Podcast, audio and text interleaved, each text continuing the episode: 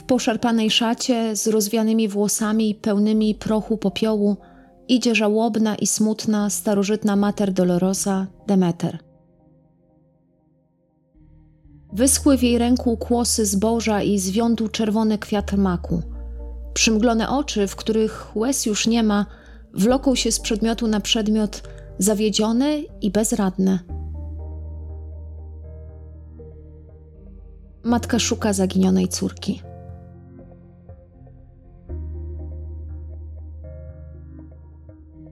Pomyślałam, że ten opis Demeter z mitologii Parandowskiego będzie dobrym wstępem do tematu ukazywania matki w literaturze. Fundamentami kultury europejskiej są przecież mitologia i Biblia, zatem omawianie motywu matki powinnam zacząć od jej archetypów zaczerpniętych z tych dwóch źródeł. Ja nazywam się Angelika Dam, to jest o lekturach inaczej i dziś chciałabym opowiedzieć o figurze matki i bardzo szybko zauważycie, że tę figurę bardzo mocno powiążę z cierpieniem matczynym.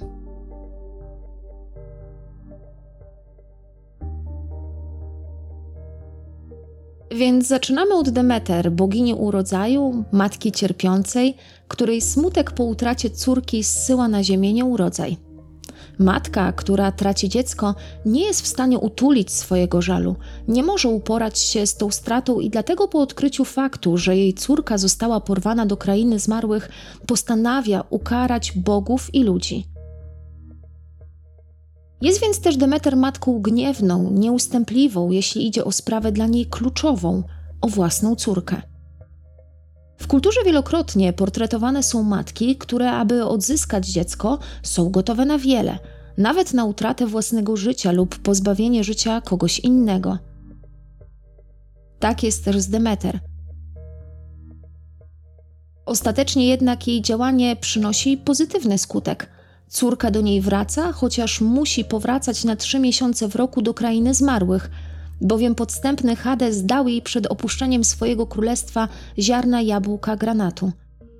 Przez te trzy miesiące w roku matka znów straszliwie cierpi, czego skutkiem jest zima. Bo cała natura zamiera w oczekiwaniu na powrót córki bogini urodzaju. Za każdym razem, kiedy omawiam ten mit, rozmawiam z uczniami na temat elementarnego według mnie składnika macierzyństwa – ja nie jestem matką, ale chyba nie pomylę się, jeśli powiem, że każde macierzyństwo związane jest z cierpieniem.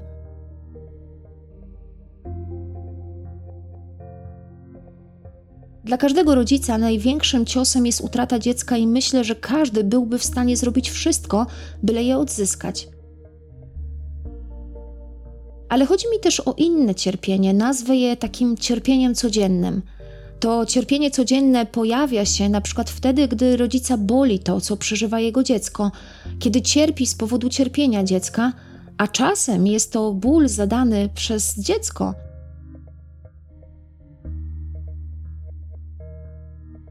I w tym sensie ten ból jest wpisany w życie rodzica. Tak samo jak wpisany jest w życie Demeter.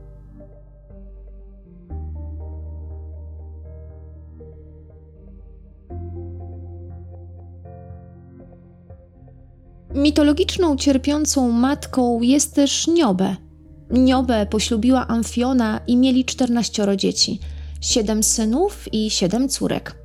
Jak pisze Parandowski, Niobę była okrutnie dumna z tak licznego potomstwa.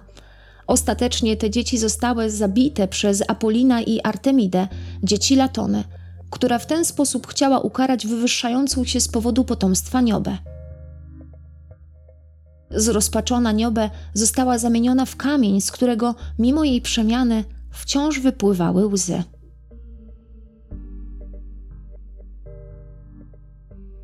Pomyślmy nad tym, co stało się z Niobę. Zamienienie w kamień wcale nie kończy jej cierpienia, wręcz przeciwnie. Cierpienie to będzie wieczne, nic już go nie ukoi. Zamieniona w kamień kobieta niejako zmienia się w pomnik zbolałej matki.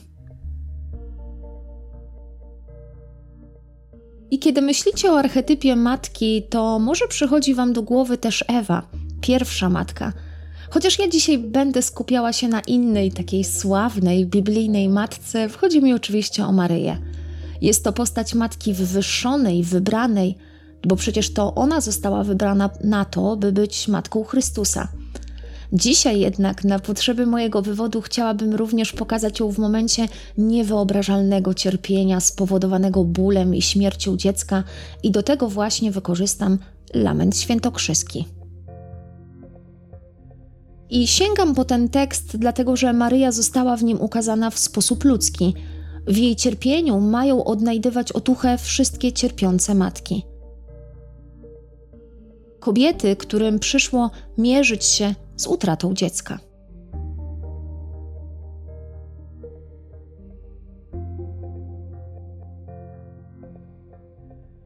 Lament świętokrzyski, jak sama nazwa wskazuje, jest lamentem.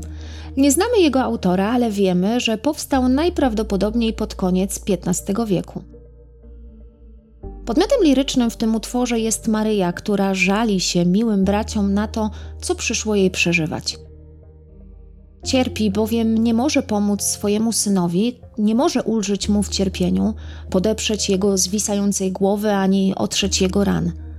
Warto chyba zwrócić uwagę, jak bardzo ludzkie jest to, co chce zrobić matka Jezusa. Ona chce fizycznie okazać mu wsparcie w tym trudnym momencie. Nie ma w tym utworze jakiejś takiej wielkiej wzniosłości czy patosu, za to jest prostota takiego żalu i rozpaczy. Niewyobrażalnym cierpieniem dla matki jest świadomość, że jej dziecko już umiera. To cierpienie powoduje, że Maryja zwraca się z wyrzutem do Archanioła Gabriela, pytając, gdzie jest radość, którą jej obiecywał. Jednak chyba najbardziej poruszającym mnie fragmentem tego utworu jest ten, w którym Maryja zwraca się do innych matek z przykazaniem, by prosiły Boga, aby same nigdy nie widziały śmierci swoich dzieci. Jako matka wie, jak to boli i, jakby to powiedzieć, nie życzy takiego bólu żadnej kobiecie. Poruszające są też ostatnie wersy, wyznanie miłosne matki skierowane do syna. Obiecuje ona, że nigdy nie miała i nie będzie miała innego poza synem, i my, jako czytelnicy, czujemy tę wieloznaczność, bo nikt w jej życiu nie był i nie będzie ważniejszy, ale przecież słowa te kieruje też do syna Bożego, brzmią więc one jak wyznanie wiary.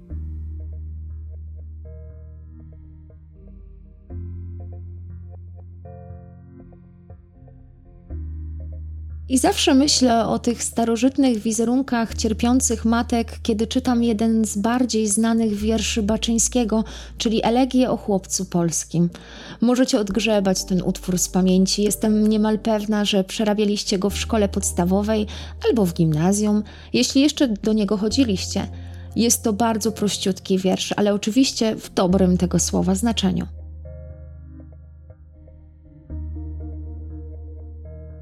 W tym wierszu mówi matka, mówi ona do syna.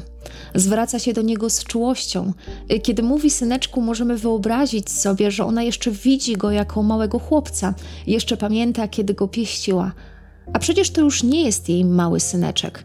To mężczyzna, któremu przyszło żyć w czasie wojny i walczyć o ojczyznę. To go zmieniło. Nieodwołalnie zamknęło jego dzieciństwo.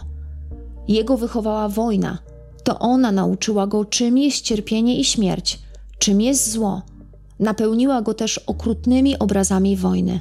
I wreszcie to ona go zabiła.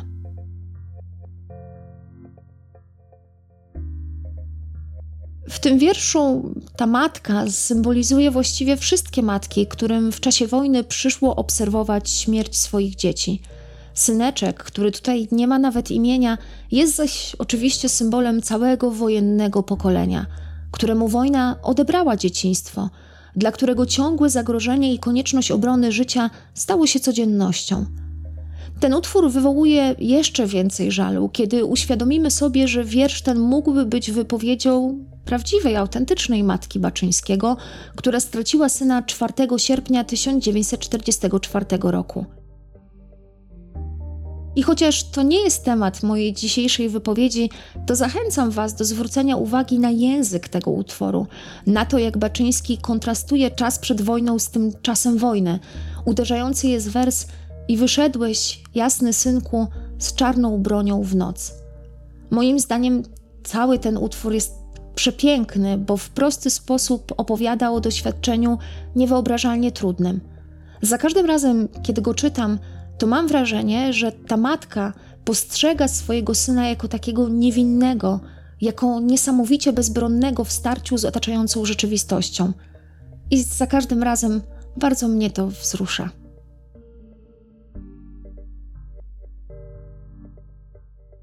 Tu jeszcze tak tylko króciutko dodam, ale już bez rozwijania tego tematu, bo o przedwiośniu nagrałam wiele materiałów, że cierpiącą matką jest też oczywiście Jadwiga Barykowa. Ona co prawda nie musi patrzeć na śmierć swojego dziecka, ale niewyobrażalny ból sprawia jej, kiedy obserwuje przemianę swojego syna, jego dorastanie w czasie rewolucji. Niewątpliwie nie pomaga jej to, jak traktuje ją Cezary, bo cóż powiedzieć, no on po prostu jej nie szanuje. Więc przykład ten tylko przypominam, bo mnie też ta postać zawsze troszeczkę wzrusza. Wiem doskonale, że możecie powiedzieć, że Jadwiga trochę sama przyczynia się do swoich problemów z czarkiem, bo ona nie potrafi nad nim zapanować. Traktuje go bardziej jak partnera, a z czasem w sumie nawet pana domu. Usprawiedliwia jego zachowanie, bo nie chce skarżyć się na nie ojcu, który przecież przebywa na wojnie, a z czasem w sumie już nie ma komu się skarżyć, bo słuch o Sewerynie ginie. Ta kobieta jest niezwykle samotna, nie szanuje jej nawet własny syn, a ostatecznie zabija rewolucja, którą ta, był tak zafascynowany ten syn. Więc tak po ludzku zawsze jest mi żal tej postaci, bo wiem, że matki bardzo często kochają bezwarunkowo i ta miłość sprawia, że nie widzą prawdziwie tego, kim jest ich dziecko, albo inaczej, czasem widzą to, co tak naprawdę same chcą widzieć.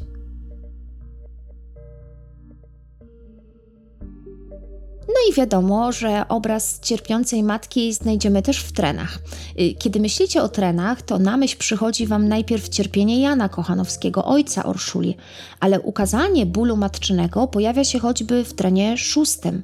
Warto też pamiętać, iż w trenie czwartym Kochanowski przywołuje figurę Niobę, mówiąc, że nie dziwi się, że skamieniała ona z powodu widoku śmierci swoich dzieci. On jako ojciec, który musi mierzyć się ze stratą ukochanej córki, rozumie mitologiczną bohaterkę.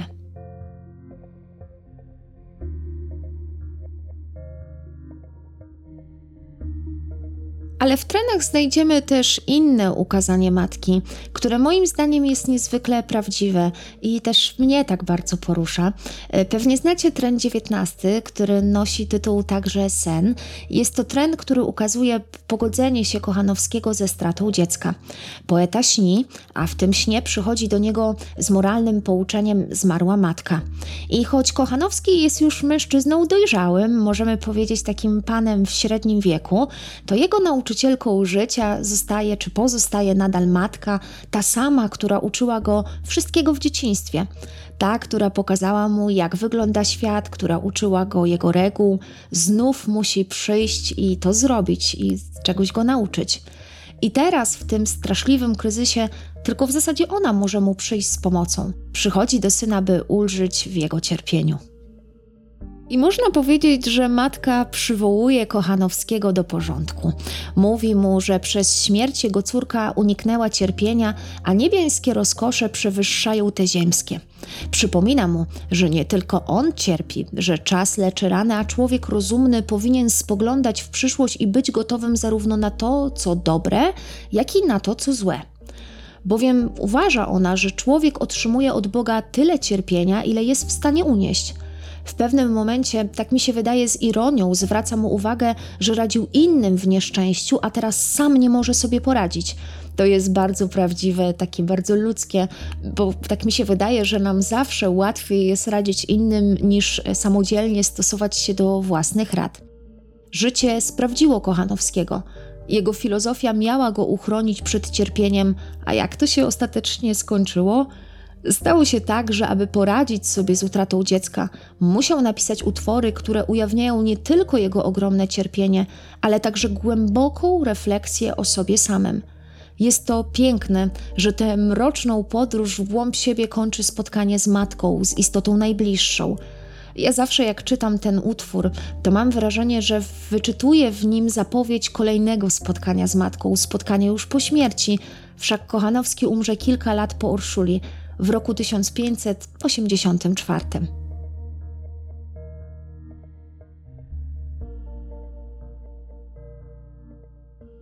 Dla mnie to jest zawsze wzruszające, że nawet człowiek dorosły w chwili kryzysu ratunku szuka w tym, co jest mu najbliższe, w cieple matczynej miłości, w stabilności matczynego rozsądku. Mówi się, że jak trwoga to do Boga, ale w tym wypadku proponuję taką zamianę, jak trwoga to do matki.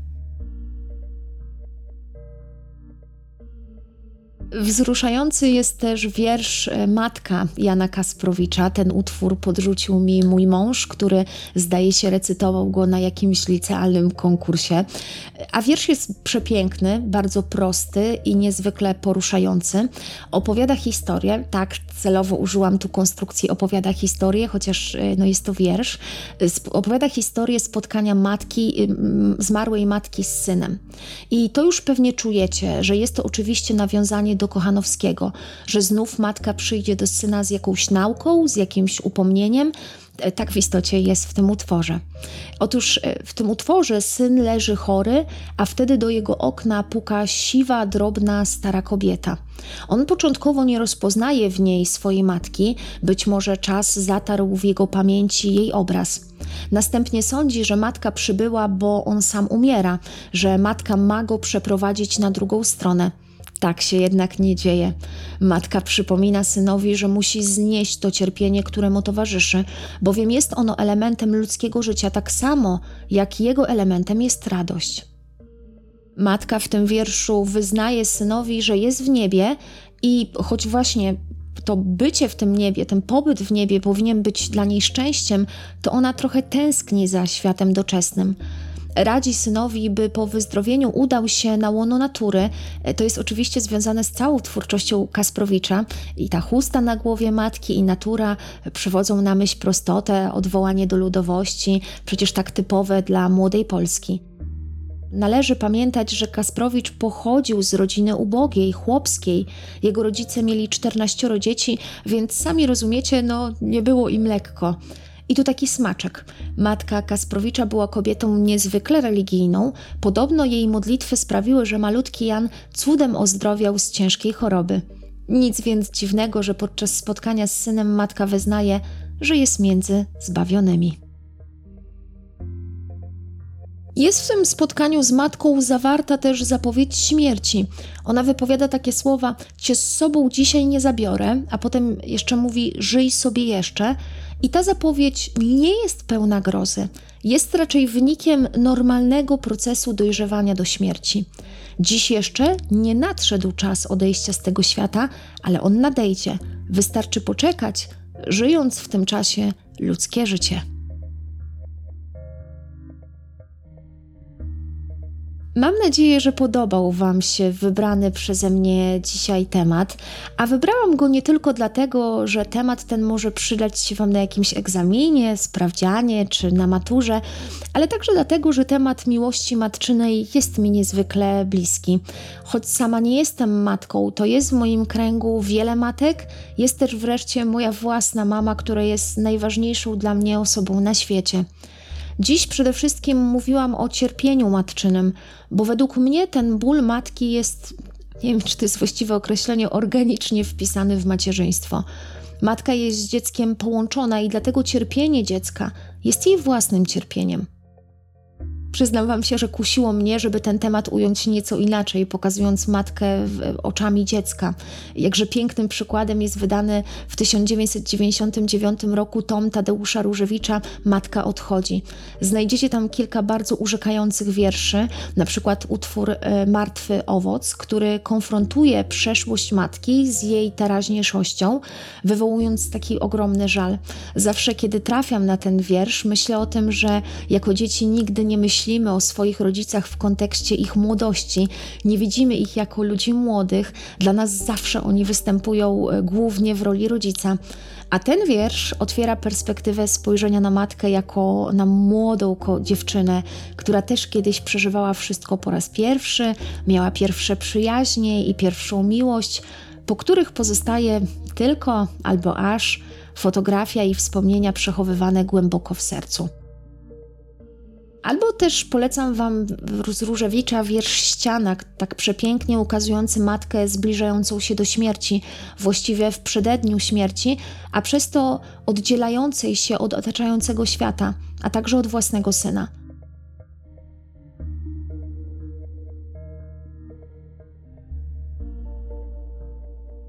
No ale może na ten temat przyjdzie jeszcze czas kiedy indziej. Dajcie znać, czy Wam się ten temat dzisiejszy podobał, bo w, też muszę Wam powiedzieć, że wiele takich pięknych wierszy znajdziemy w twórczości Różewicza, ale też innych poetów. Ja serdecznie dziękuję Wam za dzisiejszy podcast i do usłyszenia.